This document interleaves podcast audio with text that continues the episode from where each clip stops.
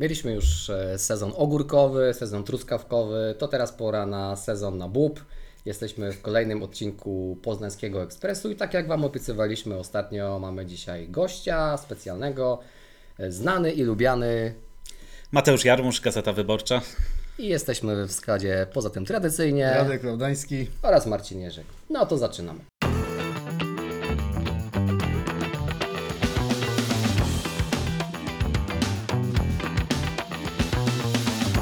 Dobry wieczór i dzień dobry wszystkim. E, Tak jak e, się przedstawiliśmy ładnie w e, zapowiedzi, jest z nami dzisiaj Mateusz Jarmusz, dziennikarz sportowy Poznańskiej Gazety Wyborczej, ale jest to człowiek wielu talentów i człowiek wielu historii, z którymi będziemy chcieli Was e, dzisiaj zapoznać, bo Mateusz e, przed pracą w, gazeta, w Gazecie Wyborczej e, pracował również w Lechu, w mediach klubowych, a wcześniej był bardzo znany jako kibic i autor bloga Piłkogłowi, którego się przyznam byłem takim namiętnym, cotygodniowym czytelnikiem. E, Czyli może- to byłeś ty. to byłem ja. Tak, tak więc e, będziemy sobie mogli tutaj kilka e, anegdotek związanych z różnymi historiami wtrącić, no ale zaczniemy od tego, co aktualnie się w Lechu dzieje, chociaż no bądźmy szczerzy, na ten moment nie dzieje się specjalnie wiele. Co prawda trener i piłkarze wrócili już z urlopów, no ale wciąż niewiele dzieje się, jeśli chodzi o zmiany kadrowe, więc zadajmy na początek to kluczowe pytanie, które pojawia się pod wszystkimi wpisami na Twitterze Lecha. Gdzie są transfery i miejmy to z głowy. Mateusz, może wiesz coś więcej? Można powiedzieć, że transfery są na razie w poczekalni i czekają na swój moment, żeby wyjść e, do kibiców. No, e, dobrze wiedzą wszyscy, jaką taktykę przyjął Lech Poznań e, w tym okienku transferowym. Zresztą to jest taktyka, która już była od kilku okienek e, w Lechu Poznań, bo od już dwóch lat według mnie obserwujemy taką przemianę Lecha Poznań. Gdzieś ten krok do przodu został zrobiony i te transfery wyglądają już troszkę inaczej niż wcześniej. W ogóle, gdybyśmy spojrzeli na Lecha w ostatnich 10 latach, nawet można by zobaczyć, że te transfery naprawdę ewoluują tak naprawdę. No bo jeszcze te 10, 15 lat temu e, wszyscy pamiętamy, że normalną rzeczą były testy. No e, tak. Medyczne, że przyjeżdżał tabun piłkarzy i oni byli testowani i ten, który umiał kopno prosto, e, prosto kopnąć piłkę, zostawał Albo i, wchodzić po schodach. Albo wchodzić po schodach, a te, później te, tego było coraz mniej. I teraz doszliśmy już do takiego momentu, kiedy Lech może proponować zatrudnienie piłkarzom, o którym przypuszczam jeszcze 3-4 lata temu. Nikt by tu nawet nie pomyślał, że taki piłkarz e, trafi do ekstraklasy, do Lecha Poznań.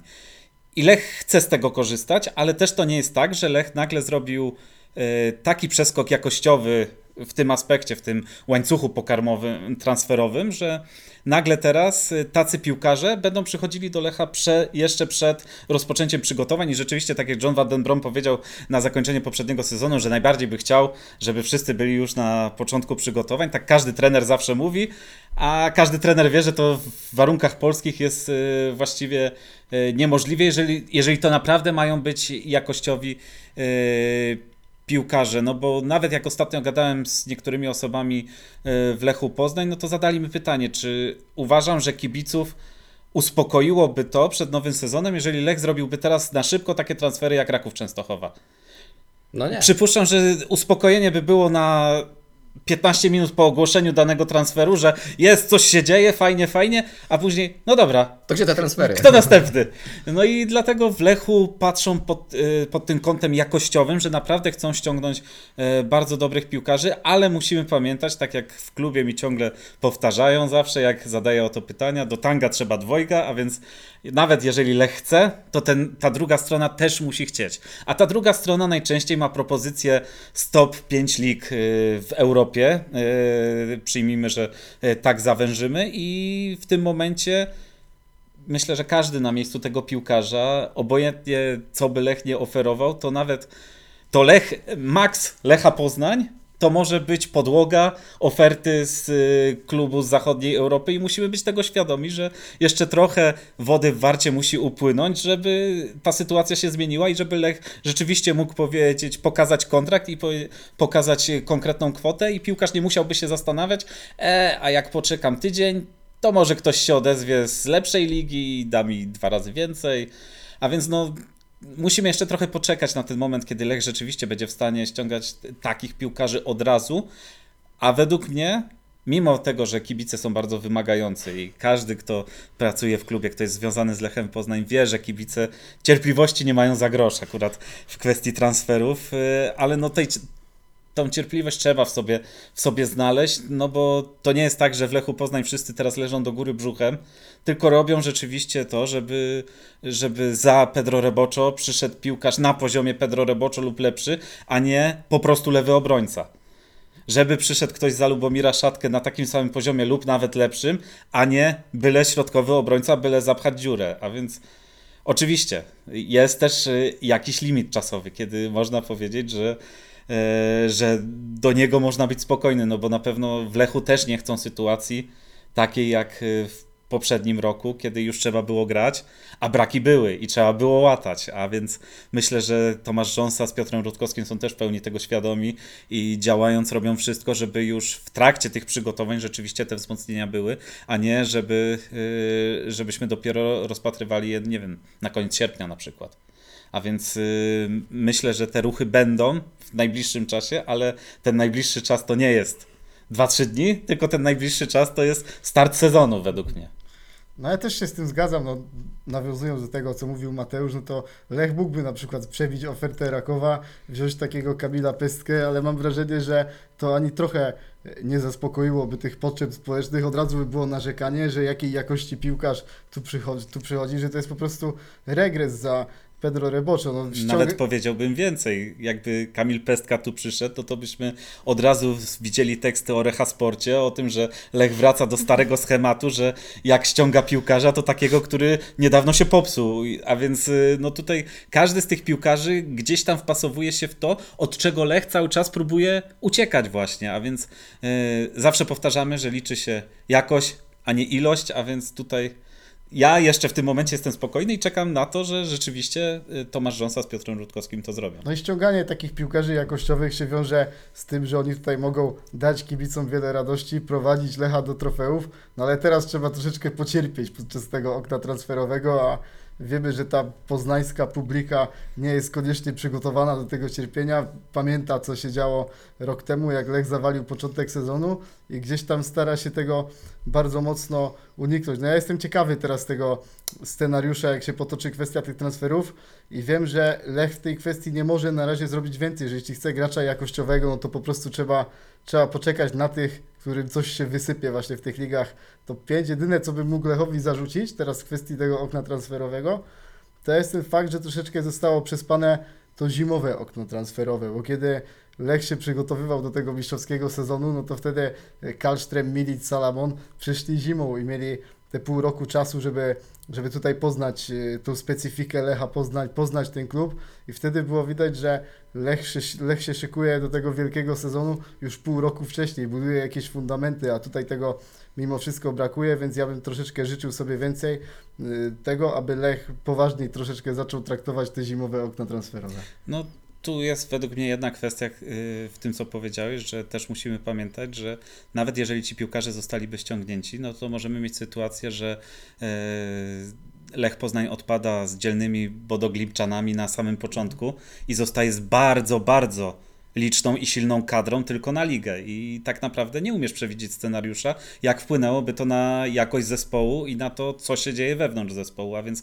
no to wszystko to jest zawsze system naczyń połączonych i to nie jest tak łatwo powiedzieć, że zróbmy tak, jak zrobiliśmy wcześniej. No, yy, zawsze czytając Twittera i widząc opinie kibiców, yy, mam wrażenie, że niektórym za komputera wydaje się, że jakby poszli do Lecha Poznań, to zrobiliby to na pewno lepiej niż robią to obecnie w Lechu Poznań. No, a wydaje mi się, że to nie jest aż taka prosta sprawa zarządzać takim klubem i yy, mimo wszystko ja zauważam progres co, co pół roku w tym podejściu do klubu i do rozbudowywania go, bo mm, kiedyś pytałem Piotra Rutkowskiego, co się w ostatnim czasie zmieniło w jego działaniach i on mówi, nie za wiele. Nie za wiele się tak naprawdę zmieniło, tylko po prostu wszystkie klocki w końcu zaczęły wskakiwać, wskakiwać na swoje miejsce, bo wcześniej, jeżeli to robił dobrze, to coś innego robił źle.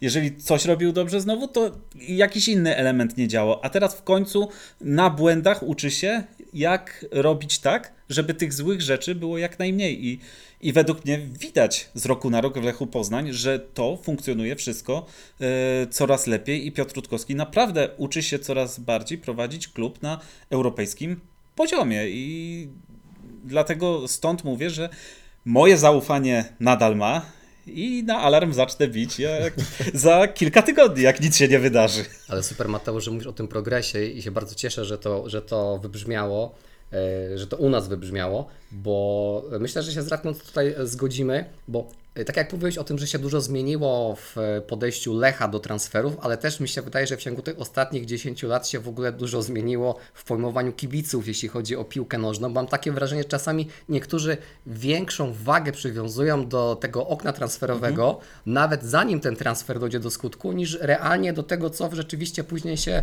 e, z tą drużyną e, dzieje. I to jest chyba takie trochę jakby sobie właśnie to, co mówiłeś, że wszystkim się wydaje, że to jest takie bardzo proste, bo sobie odpalą futbol menedżera, biorą drużynę z siódmej ligi francuskiej, wygrywają nią potem Ligę Mistrzów, jak grają tam e, 360 godzin, czy tam 3600 godzin. E, I, i, tak, I to można przełożyć na rzeczywistość, a to tak nie jest, nie? Wiadomo, że ta gra też się rozwija, ale to jest cały czas gra komputerowa, to nie jest sztuczna e, inteligencja, to nie jest e, wi- wirtualna rzeczywistość, tylko to jest no, cały czas rozrywka, tak? A to jest realne życie e, i to są takie kwestie, o których e, czasem kibic nie myśli, tak? Bo mówiłeś o tym, że musi klub chcieć i musi chcieć piłkę, piłkarz, ale oprócz tego jest jeszcze jego rodzina. Są jakieś kwestie związane, nie wiem, ze zdrowiem, z jakimiś tam kwestiami już totalnie poza e, futbolem.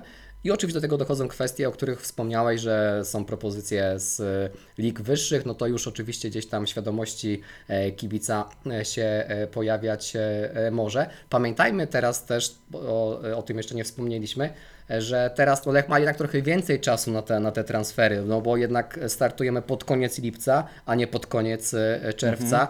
John Van już jest 12 miesięcy w klubie, a nie kilka tygodni w klubie, więc to są te, te kwestie, o których musimy e, pamiętać. No i to jest też taki czas, który dla kibica może się wydać, jak wspomniałeś, że niektórzy myślą, że e, w klubie wszyscy leżą i te transfery tam, wiecie, spływają faksy tylko i Tomasz Rząsa je tam rzuca do niszczarki i w ogóle nic się w ogóle nie dzieje. A to jest Nawet nie, nie ma go. Po Nie ma go, po- taka, ku, taka tak, kubka tak. się usypuje tych faksów i on przyjedzie i tylko wyjmie ze środka jedną, a może ten. No, a jednak e, no to jest właśnie ten czas najbardziej gorący, kiedy, kiedy jest najwięcej prac. Oczywiście wiadomo, że wcześniej jest- jest robiona selekcja i że mamy tam top 3, top 5 i tak dalej, no ale jednak w tym momencie to tego się wszystkiego dzieje, dzieje najwięcej i to jest rzecz, którą fajnie, że, e, że podkreśliłeś i, i fajnie, żeby to, żeby to wybrzmiało, bo to są takie e, niby rzeczy oczywiste, ale takie, o których gdzieś przy Calcio Mercato czy tam oknie transferowym się po prostu e, zwyczajnie e, zapomina. Dobra, to te transfery mamy, mamy omówione.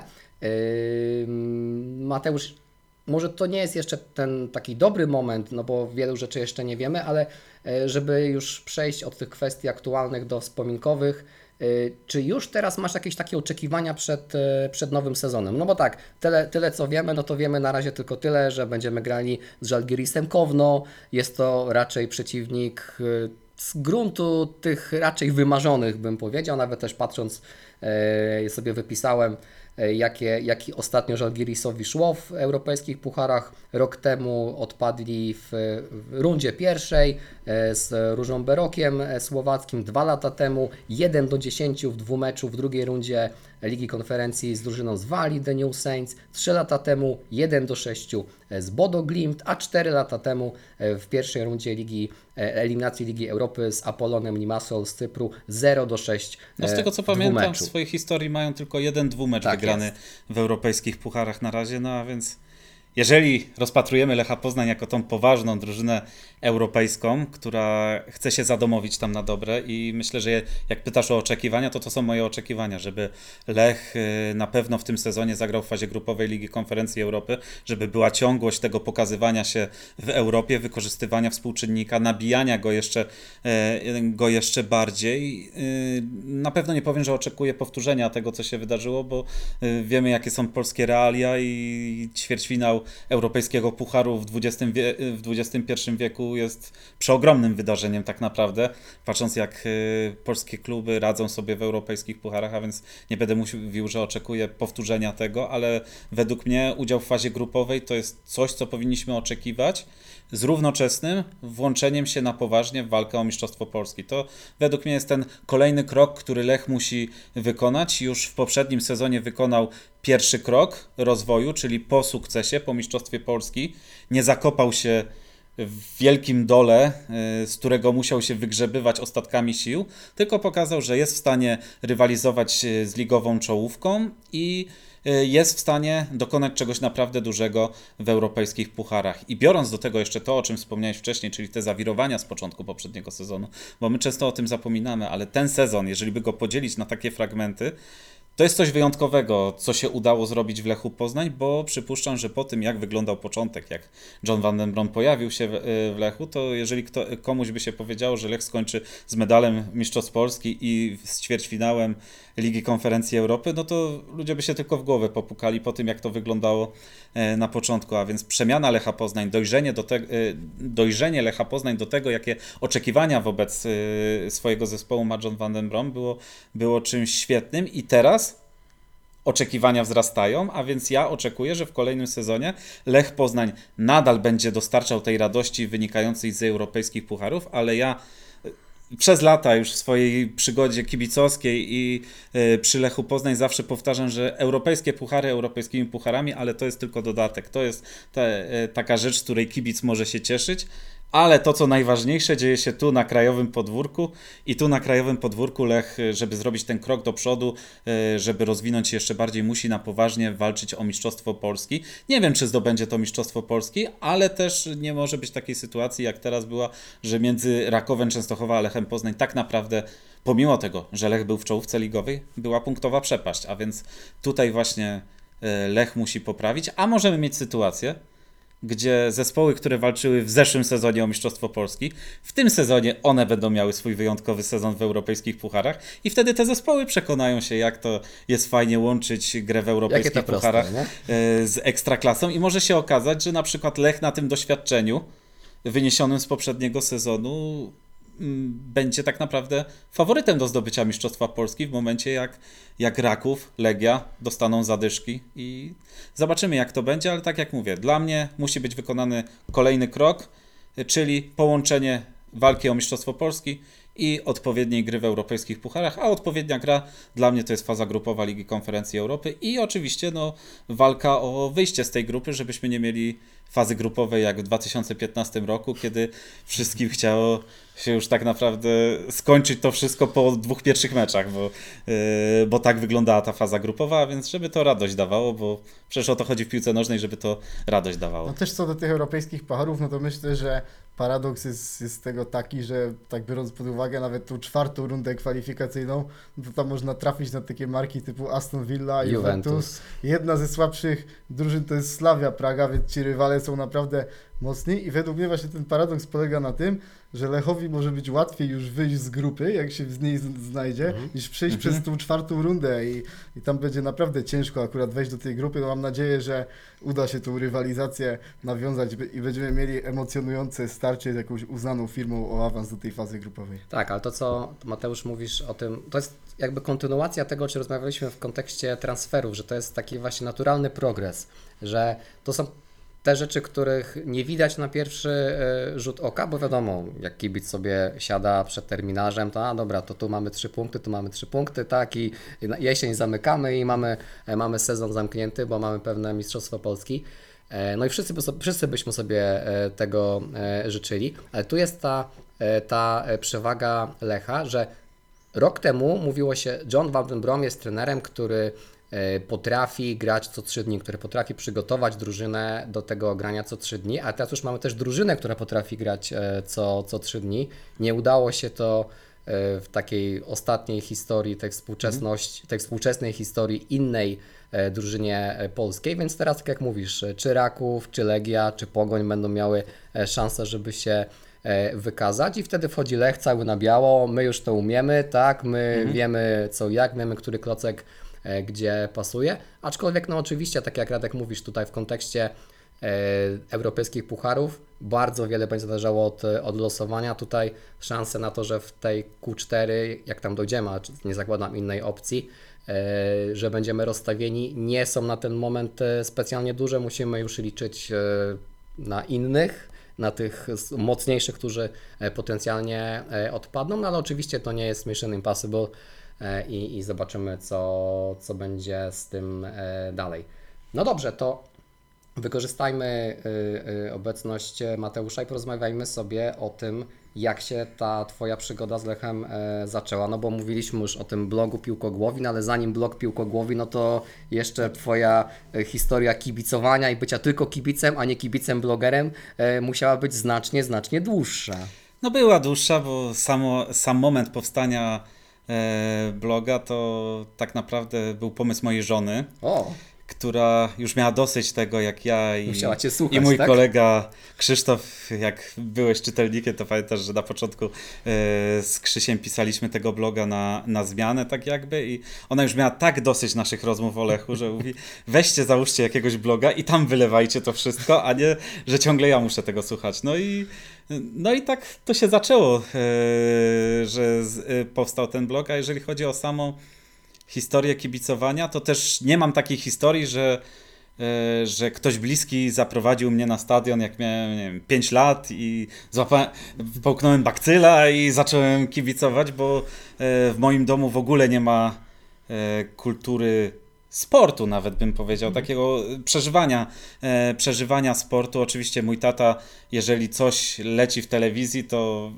gra reprezentacja Polski, no to 10 minut zatrzyma się na tym, ale po 10 minutach już leci dalej i, i 10 minut po meczu, nawet jak go obejrzy, zapomina jaki był wynik w ogóle i co tam się wydarzyło, bo mój tata nie jest w ogóle sportowy e, pod tym kątem, mama też e, nie była, a więc e, musiałem to trochę złapać przez podwórko, że tak to określę, a więc przez podwórko to powoli łapałem, e, wychowywałem się na osiedlu Łokietka i e, tam z tą piłką miałem trochę, no, trochę, dużo styczności, no bo i jeżeli chodzi o granie na boisku i na przykład klatkę obok mieszkali Burchardowie i od dziecka znałem i Marcina i Filipa, więc ta piłka gdzieś była bardziej obecna. Jeżeli chodzi o taki pierwszy kontakt z piłką, to zawsze pamiętam, że w 97 roku e, kupiłem sobie pierwszą piłkę nożną przed finałem Ligi Mistrzów, jak Borussia Dortmund gra z Juventusem Turyn i to wy, i wtedy w domu było wielkie zdziwienie, skąd w ogóle ta pasja, nie, żeby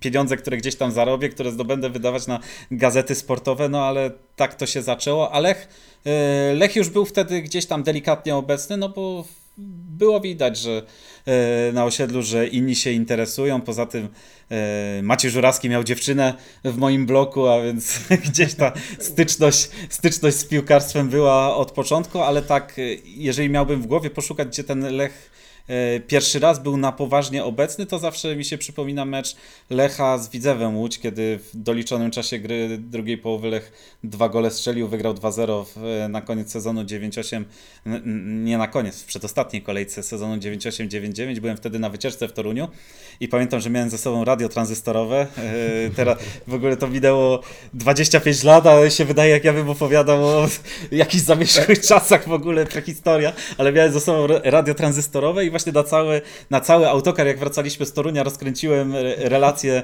z meczu i wszyscy musieli słuchać razem ze mną, jak właśnie Justin Norom, a później e, Jarosław Maćkiewicz strzelają gole dla Lecha Poznań. I Kto zna historię Lecha, kto pamięta ta, e, tamte czasy, wie co się wydarzyło tydzień później.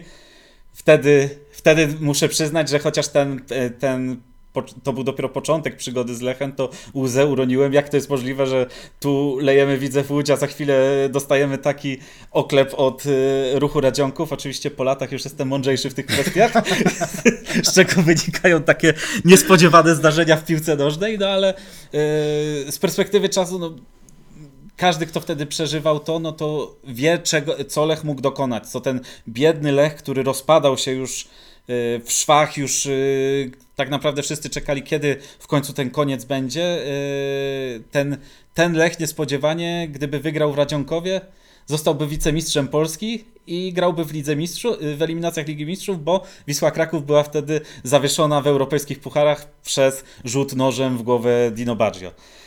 A więc to się mogło wtedy wydarzyć, a się nie wydarzyło. E, No i ta przygoda trochę osłabła, muszę przyznać, e, w czasach drugoligowych. E, Odżyła trochę już kiedy Lech wracał i tak naprawdę na stadionie zacząłem pojawiać się dopiero po Pucharze Polski w 2004 roku. O.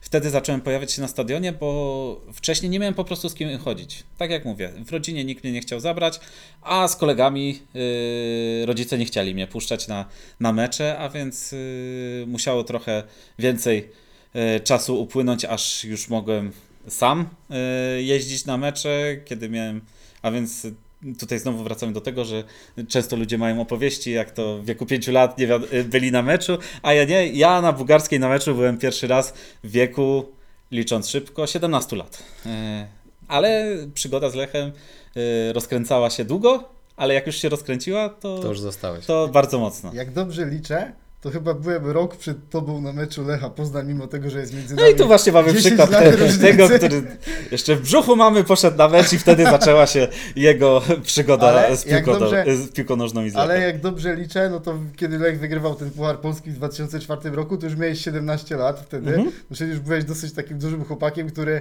pewnie już na miasto mógł tam jakoś troszeczkę sobie czasami wyjść i, i czy też razem, nie wiem, z kibicami oglądałeś w jakimś pubie, czy byłeś na Starym Rynku, kiedy Piotr Rejs rzucał tym, tą marynarką w tłum. To byłem. E, Na me- mecz, mecze śledziłem w domu, pamiętam, e, przed telewizorem, ale wtedy, kiedy były rzucane marynarki, byłem z kolegami, pojechałem już wtedy na, na Starłęce mieszkałem, tak jak do dzisiaj jest i wtedy z kolegami pojechałem na Stary Rynek. Nawet mój kolega z ulicy obok złapał jedną z marynarek i, i nie wiem, czy mają do dzisiaj, bo nie mieszka obecnie w Polsce, ale jestem ciekaw, czy ją spieniężył w, jak, w, w relikwia jakiś sposób, czy mają cały czas, y, mają cały czas w domu, no ale to było coś niesamowitego. No, wtedy, wtedy pierwszy raz człowiek poczuł, po co tego bakcyla połknął tak naprawdę, że tu nie chodzi tylko o to, że chodzi się co dwa tygodnie na stadion i przeżywa się emocje, ale co jakiś czas ma się ten, ten moment radości i bo tak naprawdę kiedy z boku, e, z boku usiądziesz y, i tak patrzą na to wszyscy ludzie, których sport w ogóle nie rusza, no tak naprawdę co, co daje ci to, że 11 obcych facetów y, osiągnęło cokolwiek na boisku, a, a jednak są to ogromne emocje, jest to poczucie y, obecności w tłumie ludzi, którzy mają takie same pragnienia jak ty i, i według mnie to przede wszystkim napędza ruch kibicowski i to, że ludzie podążają za e, klubami sportowymi, to poczucie wspólnoty e, z innymi ludźmi. I wtedy rzeczywiście na Starym Rynku można było to poczuć, chociaż w moim rankingu FED yy, które przeżyłem, to mimo wszystko Mistrzostwo Polski w 2010 roku wychodzi na pierwsze miejsce przed, Tak. przed tamtym Pucharem Polski. Też Ale- mhm. Ale wtedy właśnie w tym 2004 roku byś się nie spodziewał tego, że za nieco ponad dekadę później będziesz realizował film o tamtym sukcesie taki wspominkowy z trenerem Michniewiczem, czy jeszcze Zakim, który tam wtedy też dużo się wypowiada. Tak, prawda. Kiedy pracowałem w klubie, właśnie wymyśliłem sobie, że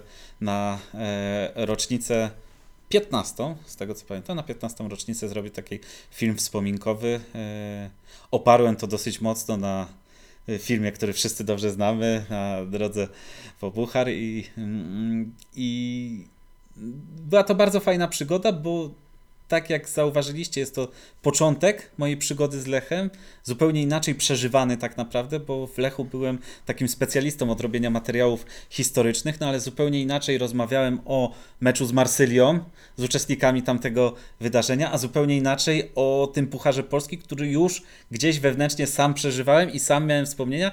I jak ludzie, z którymi rozmawiałem, wyciągali nagle jakąś ciekawostkę z tamtego czasu, gdzie puchar się znalazł po powrocie y, z Warszawy, u kogo w domu był, jak go szukali, to aż taki wewnętrzny, właśnie mały kibic cieszy się, że może wychwytywać takie, y, takie smaczki. A więc y, rzeczywiście to jest najfajniejsze, jak możesz porozmawiać z tymi ludźmi, którzy dotknęli danego wydarzenia, i na tyle ci się dobrze rozmawia z nimi, na tyle oni się swobodnie czują, że wyciągają rzeczy, których przez tyle lat tak naprawdę nie wyciągnęli e, wcześniej, a więc e, to jest bardzo fajne i tak, bardzo przyjemnie mi było robić ten materiał. No, ten Czesław Michniewicz, no to jest człowiek anegdota tak naprawdę, jak z nim się usiądzie i rozpocznie rozmowę, no to potrafi e, takie historie opowiadać, a opowiadać lubi, a więc niewiele potrzeba, żeby go e, tutaj pociągnąć za język, żeby poopowiadał o niektórych rzeczach, jak wiemy o tych, o których chce. No ale widać mimo na przykład co do trenera Michniewicza, że wiemy, że to jest taka postać, która bardzo mocno polaryzuje całą Polskę, ale mam wrażenie, że nawet mimo tego przejścia potem do Legii Warszawa, no to Poznań jest takim jego miejscem tutaj w Polsce i on tutaj ma właśnie najwięcej zwolenników cały czas. Tak, tak, oczywiście. No, wszyscy, którzy przeżywali tamten sezon i finał Pucharu Polski, wiedzą dobrze, w jakiej sytuacji był wtedy Lech Poznań. I e, oczywiście po latach wiemy dużo więcej o tamtych czasach, o tym, co się wtedy działo, ale mm, to jest podobnie, podobna sytuacja dla mnie jak z Piotrem Rejsem. Z Piotrem Rejsem wiemy, jakby, jak jest obecnie. E, Wiemy, że przez jakiś czas stracił parę literek e, z nazwiska, ale myślę, że dla każdego, kto wychowywał się w czasach, kiedy Piotr Rejs strzelał gole, to zawsze umie rozgraniczyć to, co teraz wiemy, a to, co przeżył wtedy. No, dla mnie Piotr Rejs zawsze będzie moim idolem z, z podwórka który, i każdego tak naprawdę mojego kolegi, który strzelał gole, to był idol i według mnie tego już się nie wypleni z mózgu tak łatwo. Obojętnie co się wydarzyło, obojętnie jaka, jaka jest dalsza historia, no to zawsze ten Piotr Rejs będzie e, gdzieś tam wyjątkową postacią dla nas. I tak samo jest z Czesławem Michniewiczem. Obojętnie co, e, co wychodzi po latach, no każdy w głowie ma tę szufladkę z wspomnieniami tego, co przeżywał wtedy, a w tym przeżywaniu, w tych pozytywnych emocjach jest według mnie ten największy ładunek e, taki e, emocjonalny w naszej głowie zakotwiczony, a więc zawsze będzie się miło wspominać. I Czesław Michniewicz jest wyjątkowym, wyjątkową postacią dla Lecha Poznań. Dobrze pamiętamy, kiedy było połączenie e, z Amiką, jak, kibic, jak kibicom trudno było tak naprawdę przełknąć to, że Czesław Michniewicz jest e, odstawiony na boczny tor, że nie jest to kontynuowane. Obojętnie wiadomo, ten Franciszek Smuda też został przez kibiców w pewien sposób wybłagany, no bo wszyscy mówili, no dobra, no jak ma już być coś dużego, no to idźmy, idźmy grubo i niech to będzie Franciszek Smuda i e, zawsze się mówi, że kibice wepchnęli Franciszka Smudę do reprezentacji Ale do Polski, też. ale z tego jak ja pamiętam, do Lecha też on został trochę wypchnięty przez kibiców, bo też było duże ciśnienie na to, żeby to było duże nazwisko, żeby to był Franciszek Smuda, y, jeżeli to jest możliwe. No i, no i ten Czesław Michniewicz jest obecny. No, ja jak byłem w klubie y, i był temat zmiany trenera, to dobrze pamiętam, że, że po korytarzach roznosiło się, że ten temat Czesława Michniewicza przed zatrudnieniem Adama Nawałki pojawiał się na poważnie, no ale przypuszczam, że y, wtedy też w Lechu musieli sobie zważyć, zważyć w rękach wszystkie plusy i minusy i czy to e, nie przysporzy im większych kłopotów, bo wiemy jak ta polska piłka wyglądała jeszcze 20 lat temu, cały czas nam się to czkawką odbija, e, wszyscy, e, za każdym praktycznie jakiś smrodek, smrodek się ciągnie i nigdy nie wiemy kiedy on wyjdzie na wierzch. I myślę, że tutaj tak jak w życiu codziennym, w polityce jeszcze 30 lat temu nie, sp- nie dostaliśmy tej e, grubej kreski typowo, no to jeżeli w piłce nożnej jej nie dostaniemy, a nie dostaniemy jej, no to nadal tak będzie, jeżeli zmiany pokoleniowej nie będzie, to za każdym będzie się to ciągnęło, a więc myślę, że są postacie, które mają jakąś przeszłość, mają, e, e, ale zero-jedynkowo oceniać ich mogą tylko ci, którzy nie przeżywali tych emocji, które, które oni dostarczyli te ileś lat temu. Właśnie, bo to jest, bo to jest e, też bardzo ważne, co mówisz o tym e, przeżywaniu emocji takich i odbieraniu ich e, poprzez to, co się przeżyło i przekładaniu sobie to na jakby to, co, to, co później z tym, z tym zrobimy, bo dla mnie ten 2000, dla mnie osobiście ten 2004 rok to jest taki mój osobisty mit założycielski Lecha, bo jak sobie mówimy o tych naszych początkach, to ja zacząłem chodzić na Lecha, jak Lech spadł z e, ekstraklasy. No dlatego, że po prostu się przeprowadziłem do Poznania e, wtedy. Natomiast mi przez większą część mojego dziecięcego i tam późnodziecięcego życia mój ojciec opowiadał o tym Lechu, bo on od zawsze jest kibicem Lecha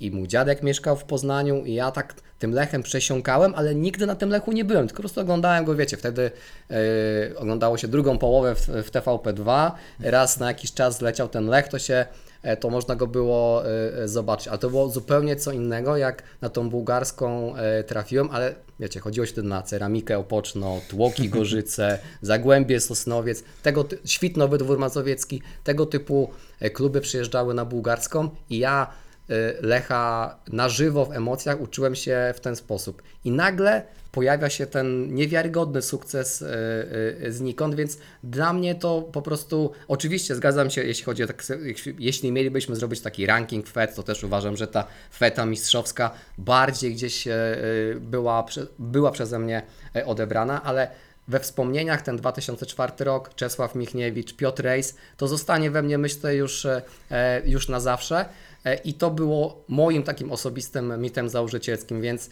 jak sobie wspominamy właśnie historię e, Czesława Michniewicza, ja też go zawsze, niezależnie od tego, co się później e, z nim działo, e, tego, czego wtedy nie wiedzieliśmy, a teraz wiemy, e, i to, że był w Legii i tak dalej, i tak dalej, gdzieś mu poszło, gdzieś mu, e, gdzieś mu nie poszło, ale to, co wtedy zbudował e, w Lechu i wokół Lecha i to, co się wtedy działo, to e, ja tego, e, tego nie zapomnę nigdy. I tak sobie myślę, że to jest taki fajnie, że o tym mówimy teraz, bo e, ja sobie zawsze lubię sprawdzać statystyki, e, kto słucha Poznańskiego Ekspresu i paradoksalnie najwięcej osób e, jest zbliżonych wiekiem e, do mnie. Ja już jestem po 40, ale to jest tak powiedzmy między 38 a 45. Więc to są ludzie, którzy teoretycznie też ten puchar wtedy przeżywali na, na własnej skórze, więc fajnie, że sobie do tego, do tego e, nawiązaliśmy.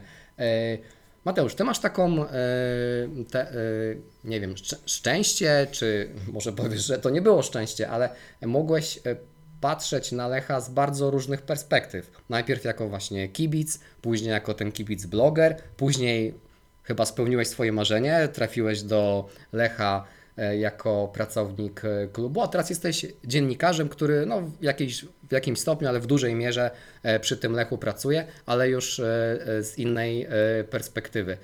E, Nie chcę Cię zapytać, która z tych perspektyw jest lepsza, no bo to byłoby głupie pytanie. Redakcja, słucha. redakcja być może słucha. E, Natomiast chciałem Ciebie e, zapytać o to, jak się zmienił Twój odbiór Lecha poprzez te wszystkie lata i poprzez te wszystkie etapy, które udało Ci się przejść? No, perspektywa na pewno bardzo się zmienia, no bo każdy z nas wie, że jeżeli jesteś tylko szarym kibicem z trybuny, to tak naprawdę Lech jest taką też odskocznią emocjonalną i e, chodzisz na te mecze, przeżywasz to, e, czasem nie jesteś dumny z tego, w jaki sposób na przykład to przeżywasz na, trybunę, na trybunie, a, a później jak stajesz się blogerem, to już musisz ważyć bardziej słowa, bo, yy, bo już nie możesz być yy, aż tak yy, zero-jedynkowy w swoim ocenianiu. I już bo... nie jesteś anonimowy. I już nie jesteś anonimowy. No, przypomnę, że mój w cudzysłowie to oczywiście y, ujmę. Y, Mój konflikt y, z Dariuszem Formelą, no ciągną się za mną, ciągną się za mną później jeszcze kilka, tak pracowałeś w Lechu. kilka lat. No przecież jak już pracowałem w Lechu, zostało mi wiele rzeczy wyciągniętych wtedy. Przypuszczam, że y, nie podejrzewam Darka Formeli o to, że siedział wtedy i screeny sobie robił moich tweetów, tylko przypuszczam, że życzliwi po prostu stwierdzili, że, że dorzucą parę rzeczy Dariuszowi Formeli, no ale to już temat zamknięty, topór wojenny już jest dawno zakopany, pogodzeni jesteśmy, a więc to y, tego już nie ma. No, w ogóle idea powstania bloga e, była dla mnie o tyle fajna, że to nie był mój pierwszy blog tak naprawdę. Ja już wcześniej pisałem o Poznaniu, jego historii i zabytkach, ponieważ zawsze lubiłem pisać. Po prostu lubię pisać i y, to, gdzie teraz jestem, jest trochę domknięciem tego, że zawsze po prostu lubię pisać. I y, w tym lechowym blogu się jeszcze bardziej w tym tak naprawdę spełniałem, bo tutaj już taka felietonowa forma jest mi jeszcze bliższa, gdzie tu mogę sobie jakieś nawiązanie do popkultury wrzucić, tu coś, tu coś. To jest moja ulubiona forma, jeżeli chodzi o pisanie. No i w pewnym momencie odezwał się Łukasz e, Borowicz do mnie i spytał: Ty, a właściwie nie chcesz robić prawie tego samego, tylko za pieniądze? No i stwierdziłem, e, pewnie jak niektórzy pamiętają, wtedy byłem na ostatniej prostej z moim doktoratem e, z biologii i miałem bardzo dużą zagwozdkę, co zrobić tak naprawdę, no bo e, czy zostać w tej nauce, czy kontynuować karierę naukową, czy, czy iść do Lecha i pewnego dnia żona mi powiedziała, przecież jak ty nie pójdziesz do tego Lecha, to będę słuchać do końca życia o tym, że nie poszedłeś do Lecha i to odrzuciłeś, a więc ona właściwie po raz kolejny przeważyła, że, yy, że poszedłem do tego Lecha, no bo taka jest prawda, że gdybym wtedy nie, nie, nie powiedział tak, no to pewnie do końca życia za każdym razem jakbym usiadł i moje myśli by gdzieś uciekały, to uciekałyby w to miejsce, że dostałem tam propozycję pracy w Lechu Poznań i powiedziałem nie. A więc tak się znalazłem w Lechu yy, i wtedy perspektywa się najbardziej zmieniła.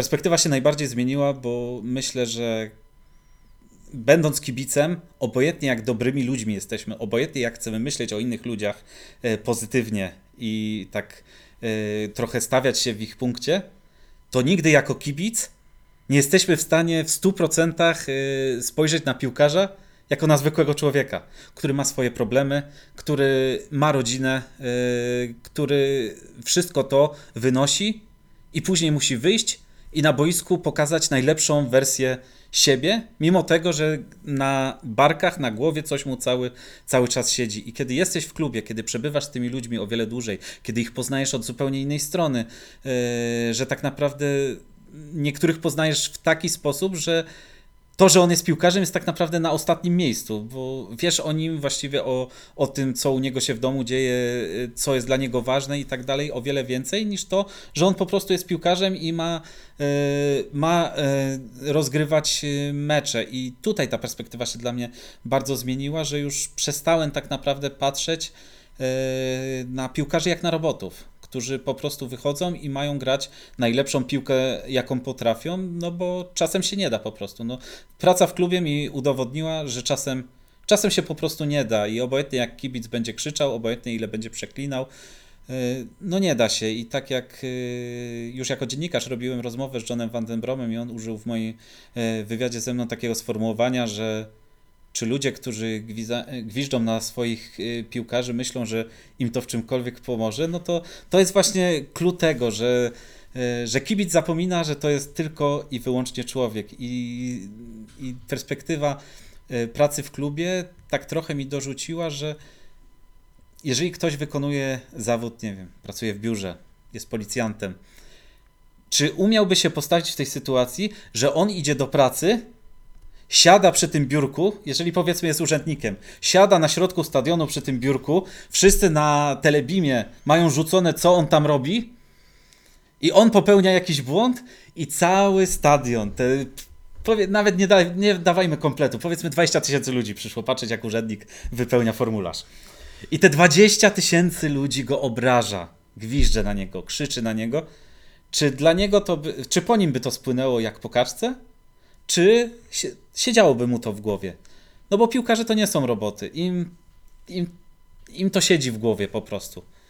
I to jest to, że pracując w klubie są, y, mimo tego, że powinienem tą wiedzę mieć wcześniej tak naprawdę, ale dopiero w bezpośrednim kontakcie człowiek w 100% przekonuje się, że to są tylko i wyłącznie ludzie, a granie w piłkę to jest ich zawód. I to, czy wykonują go dobrze, czy nie, nie zależy od tego, czy im się chce, bo to jest moje ulubione stwierdzenie kibiców. Nie chciało im się, no.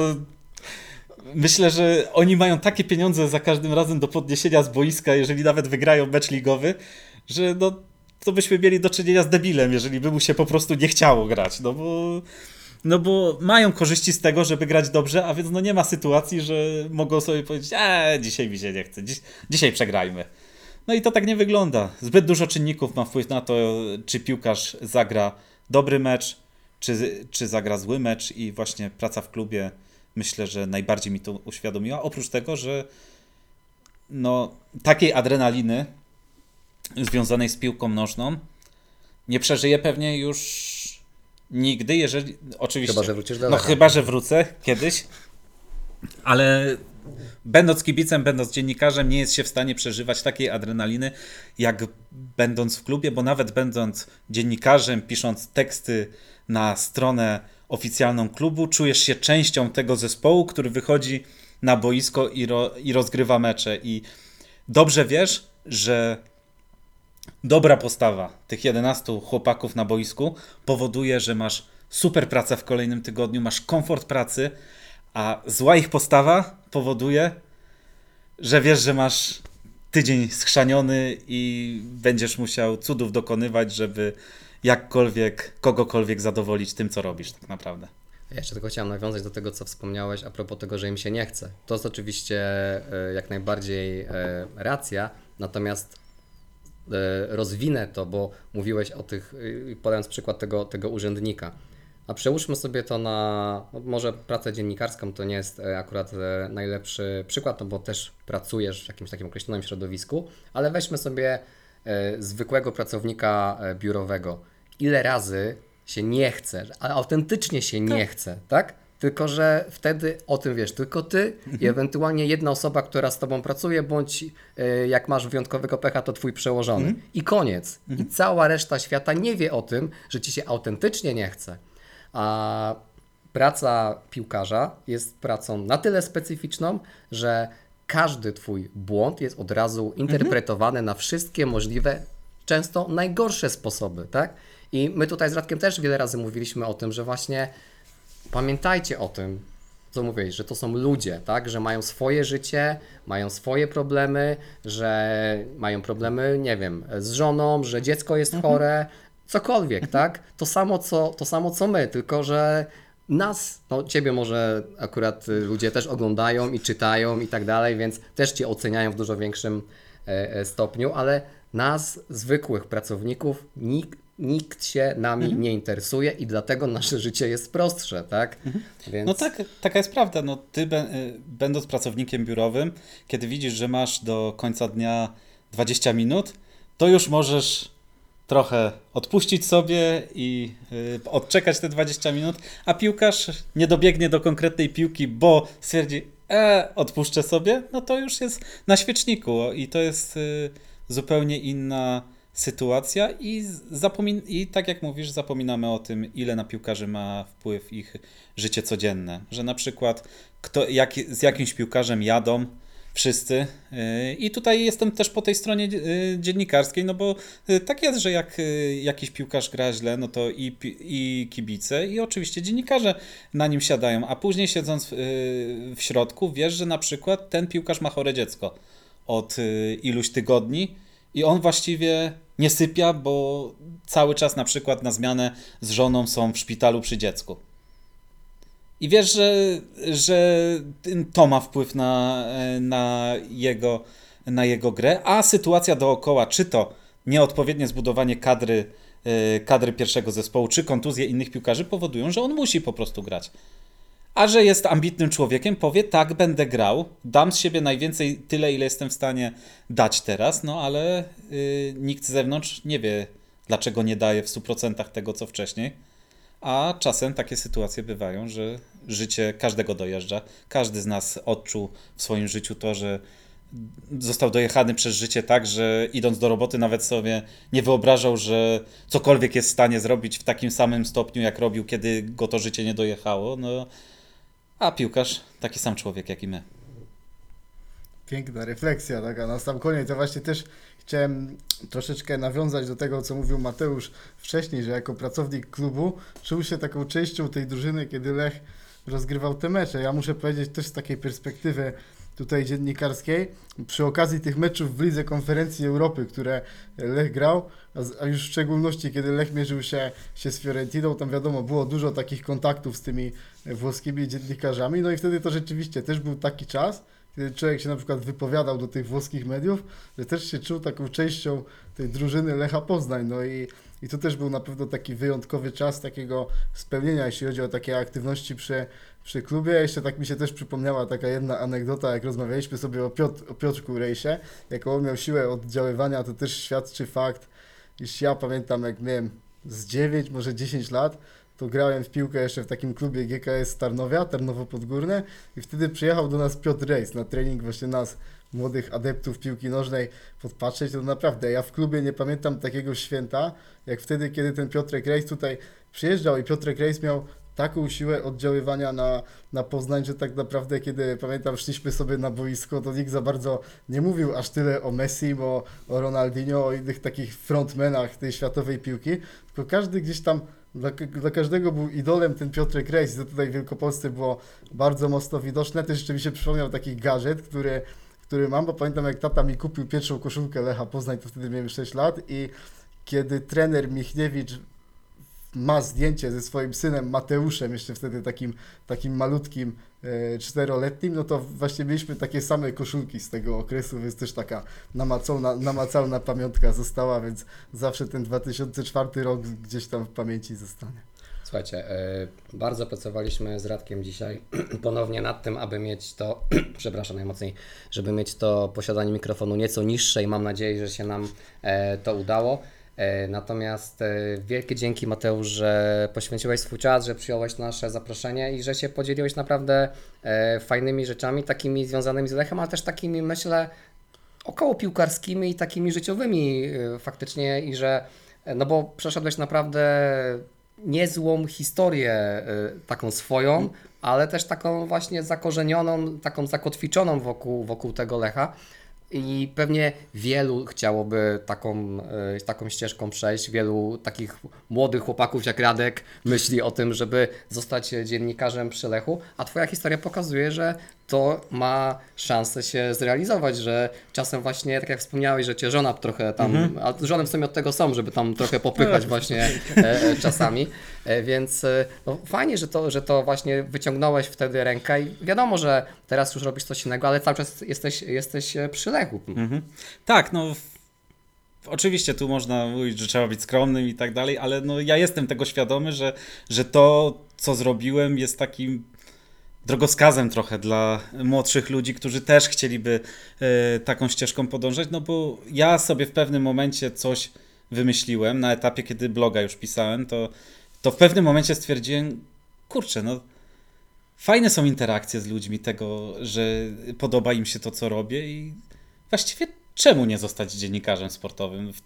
Pamiętam, że w pewnym momencie taka myśl mi się pojawiła i teraz na tym etapie jestem bardzo zadowolony, jak swoją ciężką pracą y, doszedłem do tego, gdzie jestem teraz. Jedynie mogę gdzieś tam wewnętrznie żałować, że z tym Lechem tak szybko przygoda się ko- skończyła, no ale podobno nie ma drzwi, które są zatrzaśnięte już na amen w ogóle w naszym życiu, a więc a więc zawsze będę myślał, że może nie jest zaczaśnięte na amen, ale obecnie praca dziennikarska też ma swoje plusy, jak każda, a więc bardzo mi się podoba to, co robię i mam nadzieję, że jeszcze wiele lat będzie mi to dane i trzymam kciuki za każdego, który rozpoczyna tą, e, tą przygodę w dziennikarstwie, żeby był cierpliwy przede wszystkim.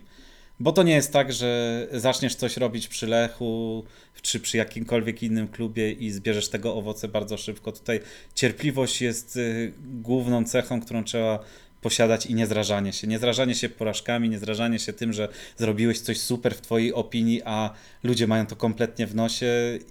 Odczekaj, zrób znowu coś jeszcze fajniejszego i w końcu ludzie, w końcu ludzie to dostrzegą. No, tak jak ja zostałem dostrzeżony przez Lecha, tak jak udało mi się, że tak powiem, przejąć posadę tego od sportu w poznańskiej gazecie, gazecie wyborczej po Radku Nawrocie, a więc no dobra praca zawsze się w końcu obroni, tylko trzeba być cierpliwym i czekać na odpowiedni moment. No Też dziękuję tutaj za ten pełen refleksji odcinek. Myślę, że właśnie w tej takiej przerwie międzysezonowej, kiedy chcemy troszeczkę więcej czasu poświęcić na czytanie, na troszeczkę taką e, głębię, bo to wiadomo, od tej piłki też troszeczkę trzeba odpocząć, no to myślę, że ten odcinek słuchaczom dzisiaj bardzo mocno podpasuje.